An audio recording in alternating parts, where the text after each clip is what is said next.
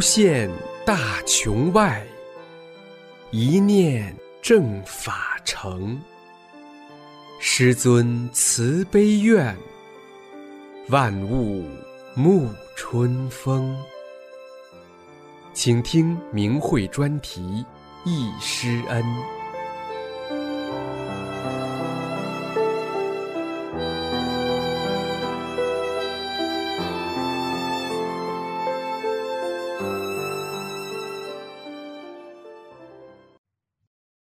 请听《易师恩》专题文章，题目是《难忘的日子》，作者大陆大法弟子。文章发表于明慧网，二零零六年十二月十日。回想起得法之日，就好像在昨天，瞬间已过去十三年多了。师尊洪亮淳朴的声音，和蔼可亲的笑貌，慈悲的教诲。历历在目，永远铭刻在弟子心中，时时处处规正着弟子的一言一行、一思一念，走正走好修炼的路。从九三年七月十六日起，我知道生命来世间的真意，世界观发生深刻的变化，真我识真经。这是我一生最幸福。最愉悦的日子，永生难忘。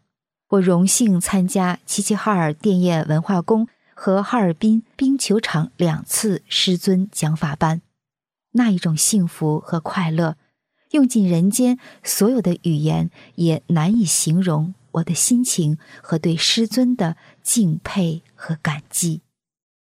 我对气功一窍不通，听完师尊办班前的一个报告会，深深的吸引了我。不但身体舒服，思想深处也发生了变化，总有种久别重逢那种亲切感。听完报告，不愿离开。我想，这可不是一般的气功师。我决心要参加办的学习班，机不可失，时不再来呀。开始人较少，大概也就是两三百人，后来逐渐多起来，到第五天来了许多人。文化宫的座位基本坐满。开始我的悟性很差，每天都早到给班上的两个同事占座，为的是能看清师尊的音容笑貌，聆听得更清楚。总是坐在前三四排的座位上，这是距离讲台最佳的位置。随着听法深入，认识到这种做法不对。是为私为我的表现，归正了错误想法，随之改掉。师尊在课堂讲的东西，让听者心服口服，从心灵深处自愿思索归正。师尊特别平易近人，和蔼可亲，讲话磁性很强，人人都感觉很舒服，思想没有坏念头，没有烦恼，像雀跃般快乐。此期间，我看到了师尊头顶上、肩头上、身体周围有许多五颜六色的彩柱，时而变化着。开始还以为是灯光照的，可别人说没看见。后来才明白，那是师尊各种功的显现，真的很神奇。当时我就想，我师傅可能是最大的佛吧。第二堂讲开天目。师尊为了打开学员多维空间的思考和认识，举例子讲。当时讲台上有一个黑色带盖儿的茶杯，师尊说：“我记得大概意思，我把这个茶杯在另外空间的存在形式拉到左手上，大家注意看。”师尊用右手拿桌上茶杯，左手贴近右手向左拉，边拉边说。注意看我的左手，拉到三十公分左右距离停住，问看见了吗？台下部分人答看见了。我当时是看见了，可是不是黑色，而是变成白色了，心里画问号。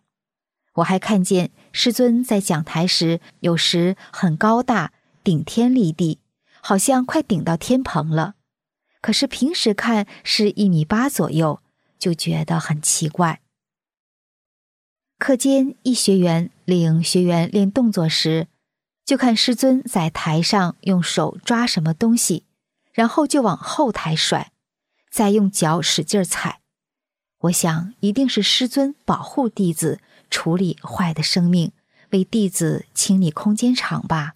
弟子无法报答，只能精进实修，让师尊欣慰一些吧。十三年过去了。每当想起这段时光，总是老泪纵横，心里难以平静。每当看到转法轮这段法时，我觉得能够直接听到我传功讲法的人，我说真是，将来你会知道，你会觉得这段时间是非常可喜的。当然，我们讲缘分，大家坐在这里都是缘分。是啊，弟子深深的体会到了，倍加亲切，又好像回到课堂面授时一样啊。班班期间，我每天在文化宫门前，有时和师尊相对而站，也就是两三米远，每天都看有些人围着师尊让调病或者是签字，往中国法轮功书上签名，可我没有那样做。心想，功好就好好练，总围着老师乱哄哄、拥来拥去的，多不礼貌啊！偶尔看到师尊抬头看我，微微一笑，以后通过学法，我才明白了，师尊知道我在想什么。时而听到师尊说：“这书都是我写的，每个字都是佛，还用签吗？”但师尊还是微笑着一一给签完。第十堂课是师尊给学员解答问题，我提了如下几个问题：一，师尊，您在台上为什么那么高大？有时好像要顶到棚顶了。师尊微笑着说：“那你就看对了，通过学法知道那是师尊的法身啊。”二，第二堂您举杯子的那个例子。为什么拉出另外空间的杯子变白色了？师尊告诉弟子，颜色在不同空间有个反差，红色变绿色，黑色变白色等等。因为当时没书，讲完听过就忘了。三，现在我想起还脸红。师尊，我认为您是最大佛，那您修的是什么果位呀？师尊念完此条，笑出声了，没有回答。因为我当时不懂佛界事情，也没接触过修佛的人，太幼稚了，非常可笑。这是对师尊的不敬。我现在明白了，师尊是来渡人的，归正宇宙的，不是修炼的。学习班快结束了，我的心久久不能平静，怀着敬佩、留恋、感激、依依难舍的心。写了一份心得体会，交上去了。记得有这么两句话：得法那天有一念，真修到底心不变，艰难困苦不停步，返本归真我心愿。十几年来，在腥风血雨中，在艰难困苦的岁月里，在反迫害的较量中，信师信法坚如磐石。稳步走到今天，是师尊精心呵护、慈悲苦度、不断启悟弟子的结果。弟子只能努力做，绝不松懈，抓紧做好三件事。我们一定要走好最后的路，未来的展现不远了。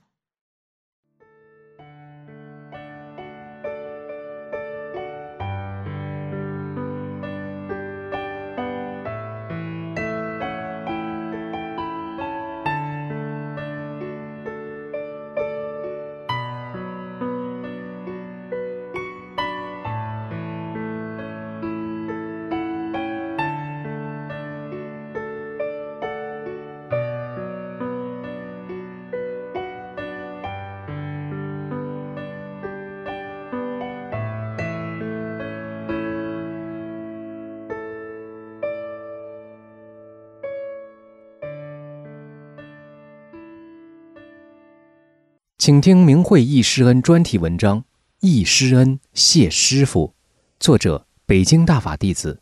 文章发表于明慧网，二零一九年十月三十一日。我特别喜欢听明慧网关于易师恩的广播节目，几乎每天都听。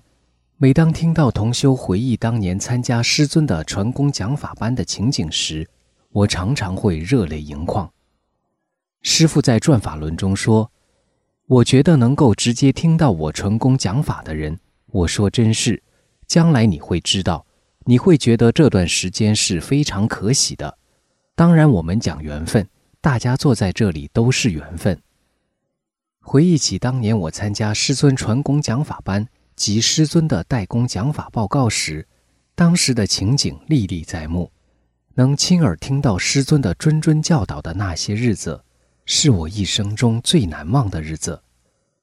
寻恩师，见恩师，回忆自己七十八年的生涯，我觉得从我生下来后到一九九三年得法，再到一九九九年七二零，再到现在正法修炼，一直是在师尊的保护之下。没有师尊的救度，就没有我的一切。我父母告诉我，在我一岁的时候得了重病，中西医都无法治了。只能去庙里求仙丹，说是药师佛救了我的命。我在小学五年级前在老家农村上学，六年级才去城里念书。从四年级开始，我每天放学后第一件事就是背上草筐，带着学校老师布置的作业去放牛。在田野里先把作业做好，然后边割草边放牛。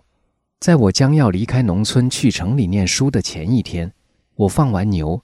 正往回走，在村口的庙场上时，我天天放的那头老黄牛突然大眼睛里流着泪，围着我疯狂的前蹦后跳。当时我吓得不知所措。在这危急时刻，突然来了一个老农，他用手在牛背上拍了拍，同时讲了一句我听不懂的话，就将牛控制住了，避免了一场危险。老农告诉我，老牛知道我明天要走了，他很难受。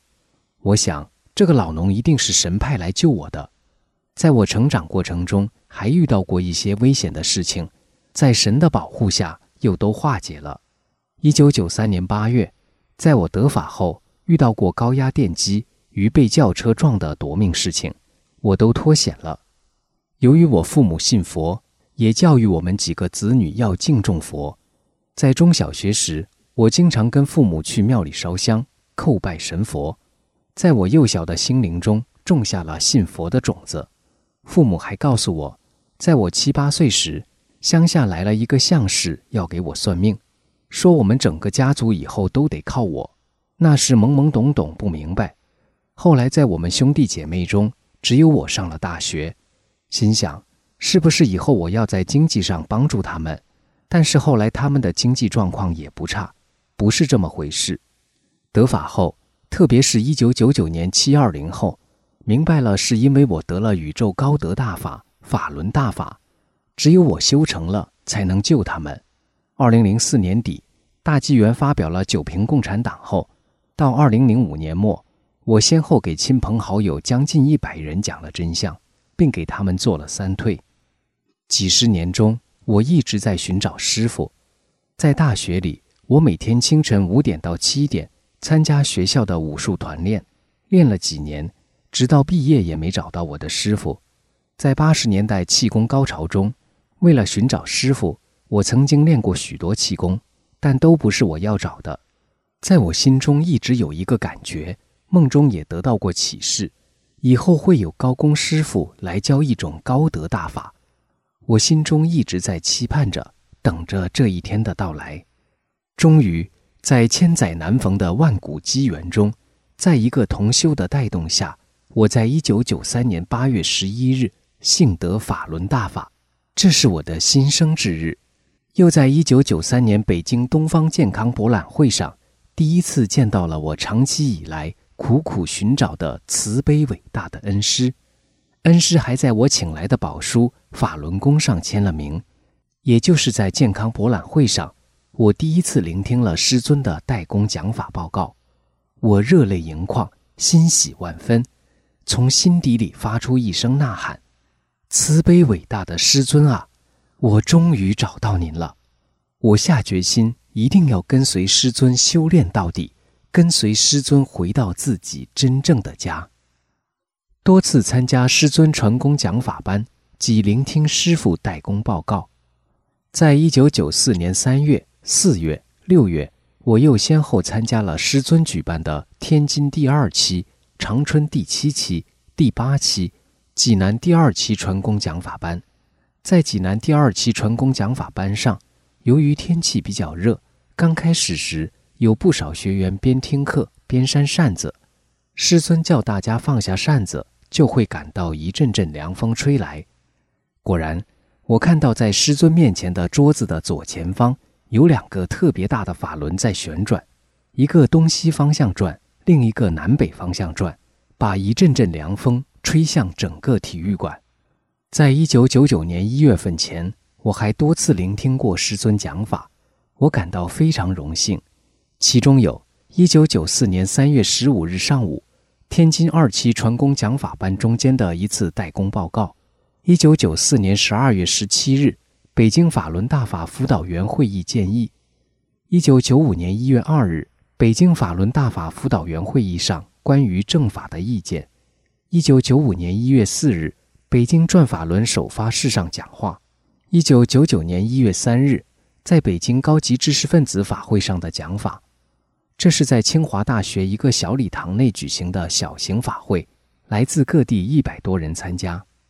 一九九三年十一月中旬，在我刚得法不久的一天，我正在上班，突然我眼前出现了一艘约有三十厘米长的晶莹透亮的水晶法船。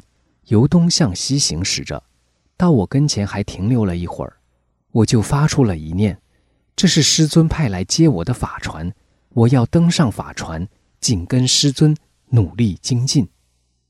师父在《精进要旨二心自明》中说：“法度众生，师导航，一帆升起一帆扬，放下执着轻舟快，人心繁重难过洋。”我想。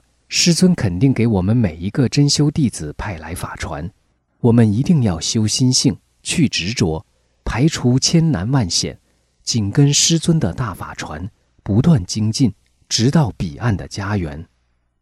谢师傅报师恩，师尊帮我打开了天幕，在每次传功讲法班上，我都看到了师尊发出的像大拇指那样粗的金色佛光，照亮整个会场。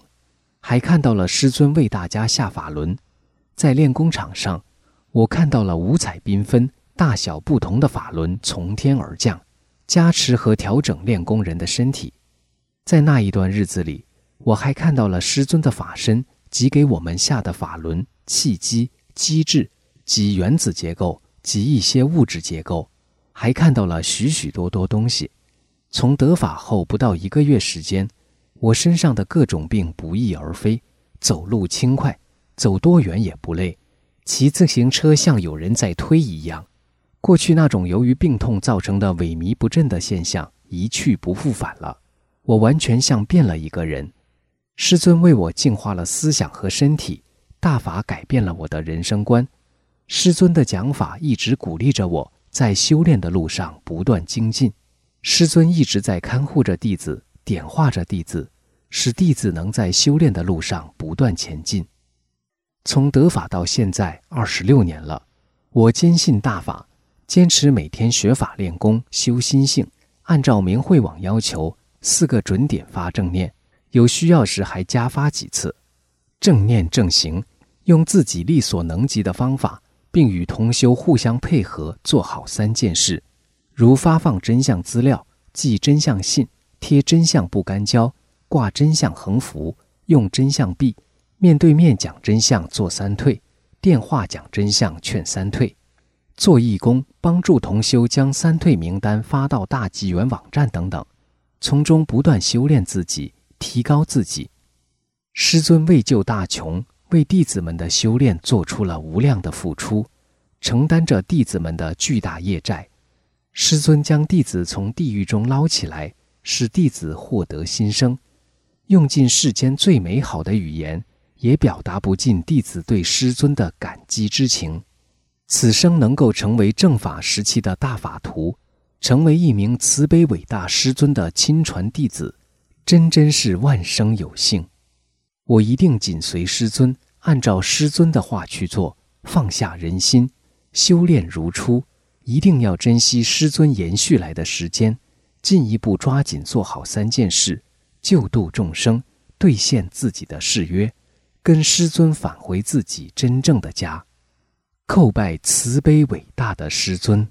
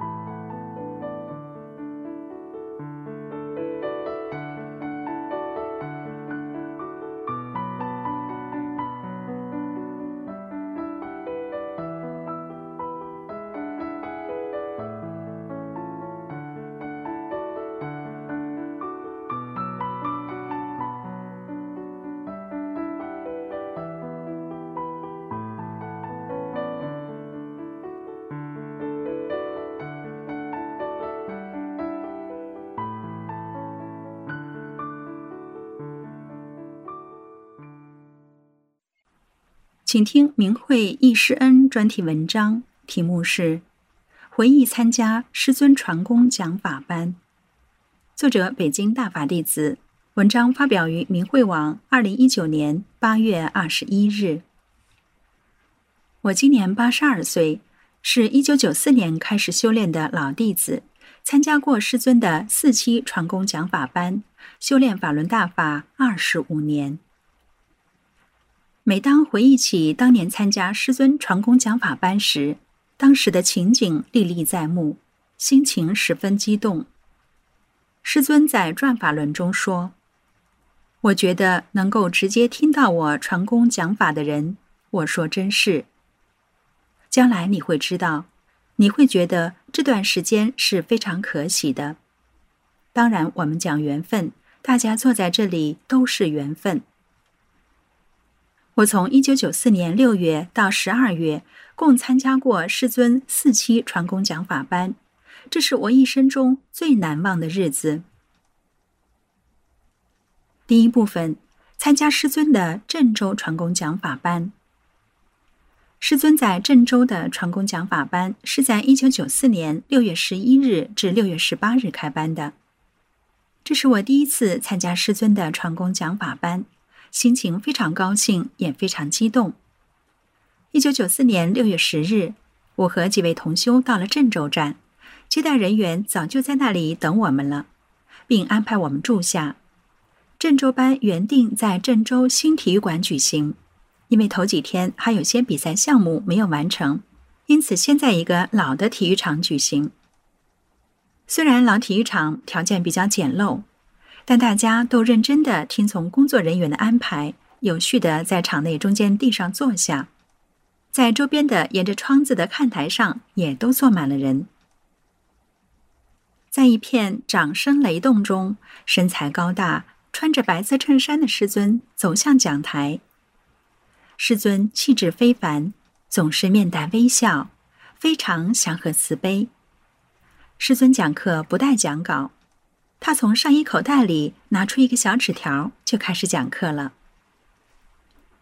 在师尊讲法第三天的下午，天气很晴朗，我坐在体育场中间的地上，大家都静静的听着师尊讲法。当师尊讲了一个小时左右的时候，突然狂风大作，随着震耳的响声，鸡蛋大小的冰雹砸在体育场的顶棚上，把顶棚也砸漏了。狂风、大雨、冰雹穿过窗户落进场内，电断灯灭，一片漆黑。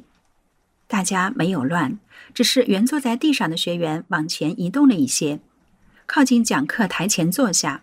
学员之间都靠近坐下，在周边看台上的学员都下来靠近坐在中间地上。师尊讲课停了下来，大家静静的坐着等着。只见师尊动作轻快地坐到讲课桌子上，打了一套大手印。然后师尊拿起桌子上的矿泉水瓶子，打开盖子，瓶口向上，一点点地往里装东西，之后盖上瓶盖，扔进了垃圾桶。几分钟之后，风雨停了，电灯亮了，整个体育场突然明亮起来了。此时，体育场内掌声雷鸣，大家非常高兴。师尊笑了笑说：“别看它来头很大。”其实我都不愿意用手去抓它，我用瓶子把它装起来。这真是让我们亲眼看到了师尊降魔的神奇过程。正如师尊在转法轮中讲的：“你别看他修了千儿八百年了，还不够一个小指头碾的。”下课后，在回家的路上，还有下雨的水坑、砸断的树干。同行的一位天目能看见的学员说：“那魔在瓶子里还动呢。”走在我们后面的一位妈妈指着我们对她的孩子说：“你看他们走路像小伙子一样。”的确，我们听了师尊的宇宙大法，师尊帮我们清理了身体，我们所有的病都不翼而飞了，走路又快又轻，好像后面有人推一样，走多远都不累。后来我听其他学员说，第二天郑州市长及夫人上台去看望师尊，并参加了学习班。第二部分，参加师尊的济南第二期传功讲法班。郑州学习班结束后，我和其他几位同修直接乘火车去济南，参加师尊在济南的第二期传功讲法班。我们和师尊同坐一列车，但不是同一车厢。去济南的学员很多，大家互相关照，互相帮助。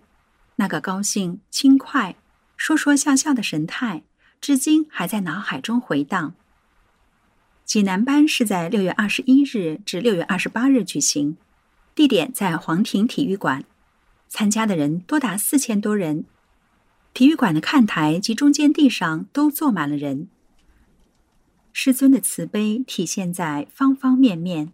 处处为学员考虑，为了给学员节省开支，不顾劳累，把十天课的内容用八天讲完。师尊说不能再缩短了，怕学员身体承受不了。有时一天讲两次课。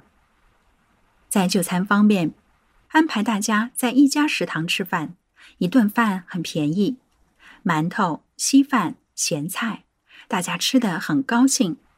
说这饭真好，真香，感到咸菜都特别香，都吃光了。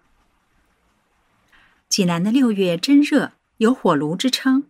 师尊讲课很辛苦，中间也不休息，学员们不停的扇扇子。师尊叫大家把扇子放下，大家把扇子放下后，感到有习习凉风吹过，在天热人多的条件下，师尊在整个讲课中没有喝一口水。没有用扇子。当学习班结束时，学员们希望和师尊合影留作纪念。师尊同意和大家合影。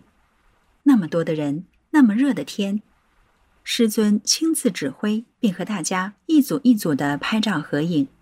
师尊真是非常的平易近人啊！师尊讲课表面看很平淡，但是内涵非常深刻。师尊给大家调整身体下法轮，按师尊的口令跺脚驱病。除了学员本人外，也可为家人驱病。因为在郑州学习班，师尊已为我驱病了，因此这次我就想一下我老伴儿的病处。虽然他没有参加学习班，他也是个受益者。有一天晚上，我听完课，正在床上坐着。突然看见，在房门口处有三四个像花又像车轮一样的圆东西在那里转，特别是那个蓝色带一点绿的，转得特别快。同时，旁边还有像人的手，大拇指粗的带着颜色发光的棍。当时不明白是啥，直到后来看了师尊的讲法录像带，才知道那是法轮在旋转。后来，我又参加了师尊在一九九四年八月二十日至八月二十七日延吉讲法传功班和一九九四年十二月二十一日至十二月二十九日广州第五期讲法传功班。通过上了四期师尊亲自讲的讲法传功班后，我的人生观得到了彻底的改变。我要按师尊讲的真善忍做人，要努力做到师尊在《精进要旨佛性无漏》中说的无私无我。要不断的放下执着，放下自我，做到与世无争，慈悲对世人。学会遇事向内找，时时处处事事考虑他人，忍让包容，严以律己，善以待人。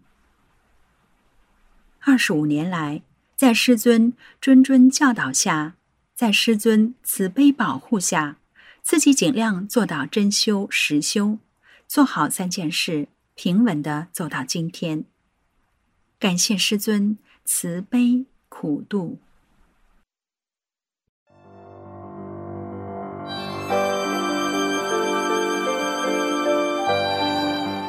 这一期的易师恩就到这里，谢谢收听。